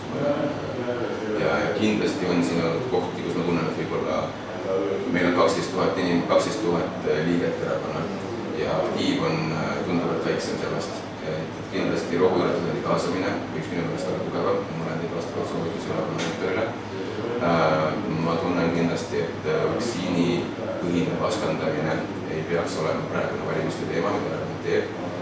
mind see häirib, minu peres on inimesi, kes ei ole vaktsineeritud, inimeseks on, mina ise olen, on ju, Pfizeriga. et ma tunnen, et see, sellest tuleb rohkem halba kui head, kuna kõik see ühiskondlik lõhestatus, inimesed lootsid pärast EKRE valitsust tuleb keegi, kes hakkab liitma rahvast ja selle asemel olema saanud veel lõhestatuma rahva, on ju ja, ja kes iganes tuleb järgmiseks valitsuseks, peab olema ühendaja rollis. see on ka sama põhjus, miks ma näiteks ei pooldanud Kersti Kaljulaidi tagasivalimist äh,. mitte, et ma arvaks, et ta oleks olnud hea president, ma arvan, ta on minu väärtustega ühti. ma arvan, et ta oli väga tugev nii välisdiplomaatiliselt kui ka Eesti-siseselt, ta võttis rolli hetkedel, kui Kaja, kui Kaja ja Jossi seda ei võtnud. tema võttis selle rolli kõneleda õigete asjade eest ähm,. aga ma tunnen jällegist, et kuna tema karakter või tema avalik kuvand on niivõrd äh, problemaatiliseks tehtud seda on lihtne rünnata. jah, et oleks olnud raske pereliiki ühendada tema asemel presidendina, on ju. see oli tema vastu, lihtsalt tingimuste kokkulangemusel, on ju. ma ise olles föderalist, ma loodan, et kunagi erakond jõuab selleni. praegu ma olen ainukene ja ma olen väga äärmus selles osas erakonna sees, kes niimoodi arvab. et on kindlasti kohti, kus erakond võiks paraneda, erakond võiks veidikene leida siiski üles äh, klassikalise liberalismi keseme äh,. kui me varem olime selgelt klassikalised liberaalne erakond, siis täna no eriti just Ansipil ajal hakkasime laiali valguma suurerakonnaks, kes tahab kõike kõnetada. Võib-olla mingisugused põhitõed äh, on meil veidikene kuskile kaduma läinud. aga ma näen, et viis, kuidas seda parandada, on panustada. et kus näed viga laita, seal tule ja aita äh,. kõige lihtsam on istuda kusagil netifoorumis ja rääkida, kui paha keegi on ja ise mitte kätt külge panna. see on see, miks ma olen erakonna liige ikka veel, isegi mul on, kui ma õigesti nõus, ma tahan jõuda nii kaugele, et ma kunagi saaksin oma käe külge panna juhtivorganites ja, ja kaasa lüüa sellesse muutusesse. Ja olgugi, et sul on endal päris palju samuti küsimärgi kohti Reformierakonnaga, nagu ma aru saan, siis mingil määral sa arvad just ikkagi, et Reformierakond on see õige erakond sinu jaoks? ei, ma ei näe ühtegi Eesti erakonda, kes kõige paremini, just kõige paremini mulle vastaks. Sotsid ja rohelised on hästi vasakpoolsed, EKRE Isamaa liiga parempoolsed ja eriti nüüd seepeal Isamaa, Isamaa varem, varasem Isamaa võib-olla isegi oleks võinud olla midagi arvestada, hetkel kindlasti mitte, EKRE-ga kindlasti mitte, ei ühti minuga, Eesti kakssada ei tea, mis ta on, ma ütlen ausalt, keegi tegelikult ikka sotsid uues kuues? nojah, kes iganes uues kuues, aga astensivate värvidega sotsid. jah, et noh, võttes arvesse, et ma olen klassikaline liberaal, kelle jaoks on tähtis vaba turg, kes, usub turule ja majandusse. ma, ma näen, et ühisosa Reformierakonnaga on kindlasti suurem kui kohad, kus ma ei nõustu ja kohad, kus ma ei nõustu, selle asemel, et öelda, te olete pahad, mis iganes, sõrme äh,, tuleb lihtsalt panna käsi külge ja suunata muutusi selles suunas, et mina tahaksin mõelda. nii, ma küsin siis lõpetuseks viimase küsimuse teilt mõlemalt, et äh, meil on tegelikult kaks küsimust, siis läheme nüüd veits pikemalt kui plaanis oli, aga alustuseks, et äh, mis on teie mõlema seisukoht Euroopa Liidu suhtes ja kuidas te näete Eesti rolli äh, versus Euroopa Liidu rolli Eestis? no mina, kiire lühike vastus sellele oleks see, et toonitan, rõhutan seda, et Euroopa Liit on ennekõike majanduslik liit. sellel, nendel samadel eesmärkidel saadi, sai see ka loodud, kuna tänaseks päevaks rikub, sekkub Euroopa Liit liiga intensiivselt riigi tasandil meie siseasjadesse, meie riigi poliitikasse ja meie majandusse, et noh, selles mõttes ma tõmban paralleeli vastaspoolega, siis ka mina olen erakonna sees sageli see võib-olla kerge opos-, opositsionäär, sest et ma ka ei nõustu kõikide asjadega seal sees ja mul ei ole probleemi seda öelda, ehk siis seda pole huvitav olema, kuna ma olen värske erakondlane, poliitfilosoofina, kui ma ei eksi, oled sa õppinud, eks ole, et filosoofilist poolt on seal tunda, küll aga noh, reaal osa on tõenäoliselt puudu, et reaalsetest asjadest rääkida, näha, kuidas maapealsed käivad ettevõtjana ja siis see on see üks kogemus minul on. ja ma tunnen seda, ma näen, et Eesti jaoks viie rik-, rikkama riigi sekka jõuda on unistus olnud ja jääbki suureks unistuseks, seda ei saa mitte kunagi olema. sellepärast, et noh, meie, meie maksame oma rahad ammu juba Euroopa Liitu, võtame sealt võlgadele tagasi ja siis võlgad on alati kohustused, mida me peame täitma. ehk siis iseseisvalt jõuda sinna toppi, see ei, noh, see on tore unistus, aga võib-olla see ei peagi see olema. ehk siis kui me suudame Euroopa Liitu äh, teatud riikide survel survestada, muuta, et tuletada neile meelde, et see on ennekõike majanduslik liit, mis üritab hõlbustada meievahelist koostööd selles osas, siis see on aktsepteeritav küll, aga tänaseks päevaks on see muutunud, ehk siis äh, jah, ma ei taha siin öelda seda julget lauset, et Euroopa Liidust tuleb välja minna, sest ma tean, et see tekitab kohe kõva kisa kära, ma tean, mis tagajärjed sellel oleks, see oleks ideaalses maailmas tore, kui me sealt välja saaks astuda, küll aga noh, me peame aru saama, et väikse riigina äh, hetkeseisus olles ka energeetiliselt sellises sellise võimekuse juures, nagu me oleme, siis oleme me liigsõltuvad välistest teguritest, välistest pakkujatest, ehk siis me ei saa seda praegu lubada, kui ühel päeval me liigume jätkuvalt selle sõltu-, sõltumatuse suunas ja jõuame teatud punkti, siis võib-olla ilusal päeval on võimalik Euroopa Liidule selles mõttes noh, natuke tagasi peegeldada, et kas nende osakaalu vähendada või teatud lepingutest üles öelda, noh jällegi aru saades nendest tagajärgedest ja nii edasi, et et Euroopa Liidu küsimus selles mõttes ja minu vastus on see, et ennekõike riiklikul tasandil peaksime aru saama, miks see liit moodustati algselt ja me ei tohiks neile anda liiga palju vaba voli, ehk siis ka see taastefondi leping, mis meil praegu on tehtud, me saame selle raha ainult tingimusel, et me paneme oma seadustesse sisse teatud punktid ja need teatud punktid on rangelt sõnavabadust piiravad, näiteks ajakirjandusvabadust piiravad ja need on asjad, mille osama jällegi, kuna need on põhiväärtused, sõnavabadus ka liberaalse spektri mõistes põhiväärtused, siis ma ei saa nende eest mitte kuidagi seista, ma ei saa selle no ma jällegist olen selgelt vastandaval seisukohal aga, aga no esiteks see, et Eesti annab raha Euroopa Liidule ja siis põhimõtteliselt lähen tagasi, Eesti on netokasu saaja, iga euro eest Eesti maksumaksja panustab Euroopa Liitu, mida ma tagasi võtan kuus eurot, äh, kui me vaatame ringi trammid, mis meil Tallinnas on, on eurorahadest tehtud igasugune kultuurimaja, vallamaja, mis võib olla Anslas või ka Kohilas või kus iganes mujal, see on tehtud Euroopa rahade eest, teede korras, teede ehitused, kõik need projekt, suurprojektid kõik see tuleb Euroopa rahadega, Rail Balticust nõustud või mitte, see tuleb palju Euroopa raha, on ju. et öelda, et Eesti ei saa midagi sellest tagasi, see on minu meelest absurdne ja see pole ka faktiliselt tõestatud. kui me räägime sellest, et Euroopa Liit loodi majandusühinguna ainult, siis kui me vaatame Winston Churchilli. ma ei öelnud ainult, ma ütlesin ennekõike. ennekõike, okei okay.. no ja, ja väga hästi täpsustasid, ennekõike siis, kui me vaatame, võtame Euroopa Liidu moto, mis on aina ühtsema liidu poole kui me võtame selle, et Winston Churchill juba rääkis oma kuulsas kõnes, et äh, et tema unistab ühtsest Euroopa liitriikide, ühtsest Euroopast, ühtsest Euroopa liitriigist, on ju. või võtame selle, et liberaalne filosoof Ludwig von Mises oli Pan-Euroopa liikumise asutaja kahe, tuhande üheksasaja kahekümnendatel aastatel, mis jällegi nägi ette Euroopa ühinemist ühtseks liitriigiks, on ju. Mm, noh, ma, ma lihtsalt ei näe sinna palju tõepõhja, nagu ma ennem ütlesin oma vastuse reformi kohta, siis mina ise olen Euroopa föderalist minu erakond seda ei ole, ma siinkohal kindlasti eristun tugevalt erakonnast ja pean kõik sellest aru. nüüd, kui küsimus on, mis, kuhu peaks Euroopa Liit liitu, liikuma, kui me tahame olla globaalses konkurentsis, globaliseeruvas maailmas, siis Euroopa Liit, mis on killustunud kahekümne seitsme eri liikmesriigi vahel, ei saa mitte kunagi olema võrdväärne vastane ei Hiinale ega Indiale ega USA-le ega ühelegi selle suurriigile. me näeme iga kriisiga, me näeme iga kriisiga, olgu see pagulaskriis, olgu see majanduskriis, olgu see mm, praegu Afganistanis toimunud kriis, mis iganes kriis meil tuleb, iga korraga me mõistame, et kui, kui koroonakriis, iga korraga me mõistame, et kui me tegutseme ühtsena, riikide perena, siis me oleme efektiivsemad, tugevamad ja paremad. meil on vaja liikuda selles suunas ja minu, kui nüüd minna filosoofilise arutelu, siis Euroopa föderaliseerumisel on kaks lahendit, üks on riikide Euroopa, teine on regioonide Euroopa. riikide Euroopa on see, et äh, siis osariigid Euroopa Liidu sees nagu Texas, Florida, iganes meie osariigid oleks riigipiiride järgi. regioonide Euroopa näeb seda ette piirkondade järgi, näiteks katalaanidel oleks enda piirkond, Castilla, Castillaanidel enda piirkond ja nii edasi, on ju. seda kusjuures toetasid seitsmekümnendatel, kaheksakümnendatel just konservatiivid, kes tahtsid seda rohkem võimu siis tahtsid rohkem sõnaõigust saada, siis näiteks Šotimaa, Šotimaa ise enne, kui toimus referendum, anti Šoti, šotlastele enda oma valitsus just läbi, just läbi Euroopa Liidu ja konservatiivid tegid seda, sama asi oli äh, Prantsusmaal, sama asi oli Saksamaal.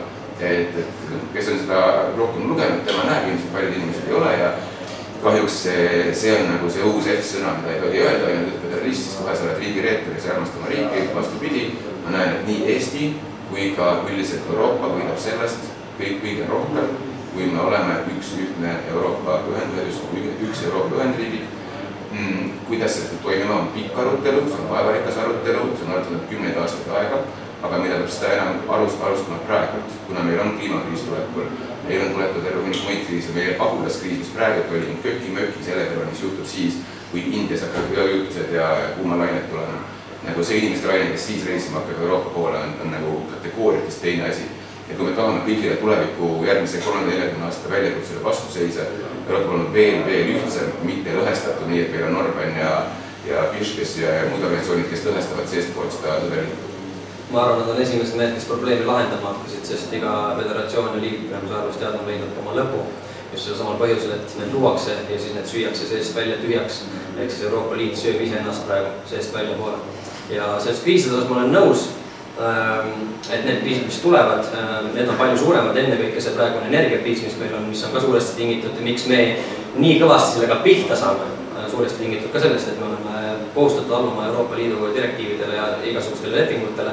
aga noh, see selleks, mis ma tahtsin siin öelda, ähm, mul tuli meelde, lihtsalt sa mainisid korraks Kasparile kohta, et äh, Reformierakond on kaua olnud võimul Äh, jah, ma ütlen siit oma, mul lihtsalt tuli see meelde praegu, ennekõike ka EKRE, äh, kuna ma räägin kohaliku omavalitsuse valimistest, äh, seab sihiks eesmärgiks selle, et meil on vaja, vaja vabaneda sellest kohutavalt pikast Keskerakonna seltskonna toiduahelast seal, see, selle MTÜ-de asjadega seal toimub, see sööb nii palju raha ära kohalikul tasandil, et kui inimesed meil siin mõtlevad, et EKRE programmis on mingid utoopilised pakkumised ja toetused ja mitmesaja eurosed tõusud, eks ole, siis see on täiesti tehtav, kui me näeme, et Eestis on üle kahesaja tuhande ametniku praegu ja tehnoloogia on kümne aastaga. see on vist Tallinna kontekstis. kuidas? see on vist Tallinna kontekstis. Tähendab, ametnike osakaal on kogu Eesti mõistes, aga Tallinna valimiste kontekstis jah, meil on vaja Keskerakonna ahelast vabaneda, eks ole, sest et sellega ma täitsa nõus küm,. kümme aastat on meil tehnoloogia arenenud, aga ametnike osakaal on täpselt sama või isegi kasvanud veel, ehk siis selle kohta on niisugune hea termin nagu noh, noored saavad aru, see on bullshit jobs meil on juhataja, juhi abi, juhi abi assistent ja nii edasi, ehk siis selline latekultuur, mis tähendab, et me oleme reaalsest tööst päris kaugele liikunud meil on seitsekümmend kaks võtsme turundusnõunikku on ju, kes iga linnasusel on enda turundusnõunik on ju, asju üles nagu. ja me näeme, kuidas nad tööd teevad ka, kuidas nad töö seisneb, et. no selles mõttes ma täitsa nõus, et Keskerakonna pikk võim põlistab, pikk võim korrumpeerib ja selles mõttes oli kindlasti tervitatav Reformierakond vahepeal kukkus jalga, ma arvan, et see andis inimestele uusi mõtteid, uut lähenemist, ma arvan, et kindlasti Kesk, selles ma olen EKRE-ga täitsa nõus, et Keskerakond Tallinnas peaks minema jalga puhkama, äh, muidugi saades aru, aru matemaatikast, linnavolikogu matemaatikast tõenäoliselt Keskerakond teeb kellegagi koalitsiooni äh,, seda me saame aru, on ju, et tunduvalt kergem on kaks koalitsioonipartnerit kui viis äh, lihtsalt keski välja jätta, eriti viis, kellel on väga erinevad lähtepunktid äh, muudes küsimustes. et noh, kahjuks nii on, aga peamine siiski on see, et tuleks mõistlik muutus ja et tuleks keegi, kes hoiab äh, silma peal selle, kes teeb, et juba see, kui on üks koalitsioonipartner, mis on usaldusväärne, olgu see Reform, olgu see EKRE, olgu see sotsid, mis iganes, kui on koalitsioonipartner keskil kõrval, see juba tähendab seda, et sa pead vähem sigatseda ja et on keegi, kes läheb näpuga järge. ja selles osas on absoluutselt nõus. mõtle, kui tore, kui te kaks suudaksite oma jõud ühendada ja teha koos midagi head. aga nii kahju, et, et kaks intelligentset meesterahvast, kes tegelikult kindlasti paljudes aspektides võib-olla näevad isegi mingeid ühtseid eesmärke, on siiski nii laiali ma ütleks, ole laiali kisutatud, ma ütleks, et see on see, et äh, sõltub, küsimuse ju. esitad küsimuse kohaliku tasandi teema kohta, siis meil võib olla siin täitsa üksmeel, on ju. no nagu ma alguses ka mainisin, siis see, see on dünaamika ja rumal on see, ignorant on see, kes ei saa aru äh, oponeerivate jõudude dünaamikast. magusat ei saa olla ilma soolaseta, sa hindad päikse valgust ainult tänu sellele, et vahepeal on külm ja pime, et see on kogu aeg selline, see on duaalsus. seal on rohkem magusat välja nii, ja lõpetuseks ma küsin viimase küsimuse, aga üritame seda mitte liiga pikaks ajada, mulle tundub, et teile meeldib mõlemale väga rääkida, mulle endale ka, aga me kahjuks peame veits sissejoone ette tõmbama. et te mõlemad, kuidas te nii-öelda äh, näeksite linnapildis või mi, mi, mida te näeksite linnapildis praegu, mis oleks nagu meeletult oluline, tähelepanu pöörata, mida ette võtta, mida muuta, millele raha kulutada ja kuidas nagu parandada seda hetkelist olukorda, mis on teie arvamus jalgrattateedest näiteks? no eks siinkohal meil kindlasti natuke erinev spetsiifika, mina olen Põhja-Tallinna inimene, Kaspar on Nõmme inimene, eks jah. et äh, kohalikul tasandil, no mina olen pikalt aeg-ajalt sellesama jalgratta teemadel siin äh, juba paar aastat tagasi, kuna ma olen nüüd triatleet ja sõidan ise hästi palju rattaga nii edasi, siis noh, konservatiivne põhimõte võiksin öelda, on see, et äh, ilma autota inimene on majandusele täielik katastroof, sest ta ei tarbi kütust ja ta ei osta rehvi ja varuosad ja kõik see elavdab majandust, on ju. ja nii edasi, on ju, aga noh, see on selline asi, milles, mis osas ma olen nõus oponeerima või tasakaalu nagu otsima, et aga mina saan väga aru sellest, et me värvime ma ei tea, kaks nädalat enne valimisi teed punaseks ja see on juba tänaseks päevaks maha kulunud, on ju, mürgine plastik, paks kiht seda igale poole pandud, libe ka, kui vihma saab. see on katastroofiline lahendus, meil on linnateed konkreetselt ka ümber planeerida. kõnniteede arvelt saaks vähendada tegelikult, sellepärast et seal on vaja piisavalt ruumi, vaadates ka Skandinaavia maadest ja no Hollandist ja siis siis kõnni jalakäija osakaal ei pea olema nii suur, sealt tuleb mõõta see selgelt välja, spetsialist tuleb kaasata, selle arvelt saab natukene ruumi juurde, mille, mis tähendab, et me saaksime välja ehitada konkreetsed rattateed piiratud noh, nii-öelda tõkkekividega ja nii edasi, eks ole, see on üks asi.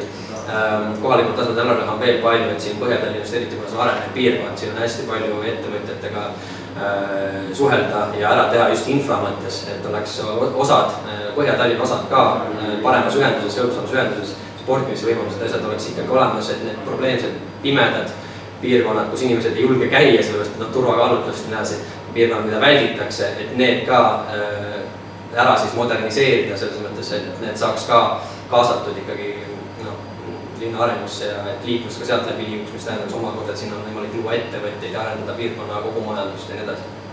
see on lühidalt siis. rattateede koha pealt oleme kindlasti nõus järgmisega.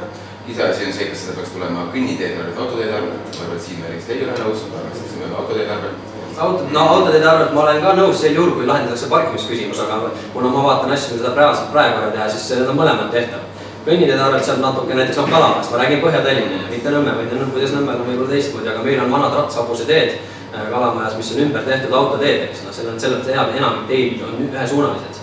et seal on vaja, seal on kaks asja, mis vaja lahendada, jah, see kõnnitee probleem, turvalisuse probleem ja parkimisprobleem, et. Äh, no Põhja-Tallinna, Põhja-Tallinna kohta jah, siis äh, on meil teistmoodi piirkond on ju.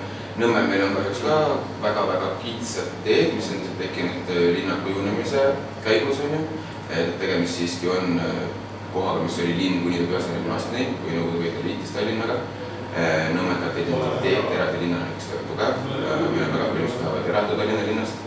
mingil arvutatud põhjustel ja kindlasti Keskerakonna pikk võim, mis viib investeeringud hoopis muudesse linnaosadesse kui Nõmmele, on seda tugevalt just soosinud, aga, aga soosinud selle iseseisvus, iseseisvuslaste fooni hästi tugevalt, on ju Ähm, üldiselt minu enda põhifookus on Nõmme keskusel, ma arvan, et see peaks olema kaasav koht, meil on kõrval TalTech, meil on äh, tulemas tuhat ükssada ruutmeetrit äripinda sinna juurde praegu arenduste käigus, aga meie avalik ruum on täielik katastroof, meil on seal aukus asfalt, meil puuduvad rattateed äh, ja nii edasi, edasi, edasi, on ju. meil on äh, silla, silla, tipisilla juures istuvad joodikud, kes käivad tõttu joomas pimedaväes, selle asemel, et saaks seal rahulikult olla, on ju et niisugused äh, olmeprobleemid tegelikult, aga need kõik loovad kindla fooni, mis ei ole kutsuv.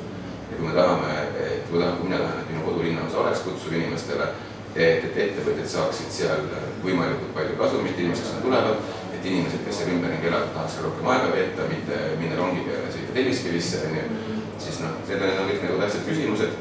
Ja meil on täpselt sama probleem on meil kõnniteedega, meil pole kõnniteid, meil on autoteed, siis meil on kõrval äh, tihti vist mururiba kuluriba on siis jäetud selleks, et sadevesi läheks ära joosta, on ju, aga tegelik tulemus on see, et kui see vesi ära ei jookse, siis sa kõnnid autoteed ja sa pead auto, autode teede, autode eest lonkidesse hüppama, et sa saaksid nagu mitte autole jääda. et noh, probleeme on kohalikul alasel probleem, kohaliku elu probleeme on kindlasti piisavalt. Tallinnas üldiselt ma arvan, et Tallinn peaks olema avatud ettevõtlik linn, mis kutsub kõiki, olgu need välismaalased või eestlased, kui inimesed tahaks tulla ja oma pere luua ma arvan, et peaks olema linn, mis arvestab kõikidega, olgu, olgu tegemist ratturi, jalakäija või autojuhiga. ma arvan, et peaks olema linn, mis on ohutu nii kaheksakümne või kaheksakümne aastasele, kes vahele jääb. et siuksed üldised printsiibid, kindlasti rohkem väikeettevõtlust, rohkem väikseid tänavakohvikuid ja asju, mingi T1 keskuste asjade asemele. no meil ei tule niipea neid kohvikuid No, ma no jah. mis sellega toimub, see energiakriis viib praegu kohvikud kõik pankrotti, ma olen õige nõus, et see on probleem, mida tuleb lahendada ja see on ka üks kohaliku tasandi probleem, et kohalikud omavalitsused tuleksid ja suhtleksid oma ettevõtjatega, uuriks välja murekohad ja teeksid endast kõik võimalikku selleks, et need ettevõtted uuesti ree peale aidata, et mitte neid piirata ja vajadusel igakülgselt abiks olla et see ei pea ilmtingimata olema rahapank, eks ole, kui äh, jah, sealt jääks üle vahenditest, siis saaks toetada ka noh, igasuguste selliste muude teenustega näiteks äh, uurida välja, kuidas võimaldada neile täiendavad turundusvõimalused luua, kasutada linnapindasi, hõlbustada linnapindade reklaami ja nii-öelda siis noh, hõlbustada seda võimalust neid kasutada, eks ole, ja nii edasi, et see on praegu sügav probleem. lõpetuseks jah, sorry, selle ütlen ka, et noh, minu jaoks ongi ignorantne või, või naiivne, kui Keskerakond räägib, et tõstame teie lastetoetust nii palju ja pensionit nii palju, aga ei tegele selliste infraprobleemidega, põhiasjadega linnaosades, mis tähendavad, et ennekõike meie iive ja kõik muud asjad saavad tõusta siis, kui inimestel on turvatunne.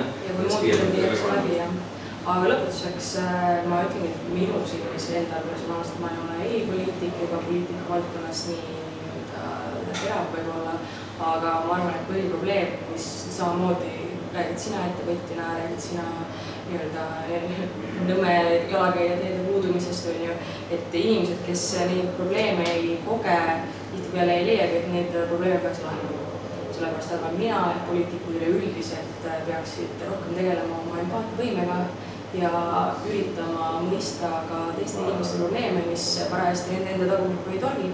ja ma arvan, et see ongi suur, suuresti meie riigi probleem, on see, et inimesed ei taha mõista naabri muret, kui mul on ilus aeg, siis mis mind kotib, mis seal kõrval toimub. aga inimlikul tasandil võiks minna ikkagi korda kõigile see, et see, mis toimub meie ümber, mõjutab lõpuks seda, mis toimub meil endal. ma siinkohal oponeeriks nii palju saatejuhile, et äh, erakond on erinevate inimeste kooslus ja iga inimene näeb, et erakond on tuttav, kui kellega on tuttav või, pereliige, kes on vähihaige, mõistab paremini kui vähihaigetega. kui kellega on pereliige, kes on tegus ettevõtja, probleeme edasi, onju. noh, nagu meil Reformierakonnas, meil on inimesi, kes on igapäevased ratturid, kes panustavad ratturprogrammi osas. ei, absoluutselt, ma seda, ma seda täiesti mõistan, aga ma ütlengi, et see peaks olema üleüldine joon, mida me kõik üritame endas arendada, ongi lihtsalt see, et äh, mõista ka kõrvalseisja probleemi, isegi kui me ei ole ise seda kunagi kogenud. nii et äh, sest et muidu me võitlemegi kõik kogu aeg ainult konstantselt selle eest, mis meie enda ümber on, mis meil endal korda läheb ja tihtipeale sealt äh, tulebki see, et äh, inimesed lihtsalt äh, ajavad ainult ühte asja taga. no see on meie self-love, see on meie self-love bullshit, mis meile ütleb, maha püüda on selle sotsiaalmeedia. see on individualism isekus. vot mina individualismi vastane ei ole, ma arvan, et inimene peaks seisma teemade eest. absoluutselt, absoluutselt, aga siiski üritame mõista kõiki teisi. ja sellega ma kokku tõmbangi selle otsa nüüd siin äh,. oli tore teiega vestelda, ma loodan, et teil samamoodi. oi, sorry. Elisa osaleb tõrki. mul oli jalg vaata selle toe peal ja tõusin püsti ja on arvamus, see on tõesti ideaalne lõpp sellele osale. minema. ei oleks ühine Aga- diagnoosi podcast'i osa, kui midagi ei läheks. on sul mingi mopp luistasin? aa, ei, ei, ära põe, see saab korda seda. Kaare!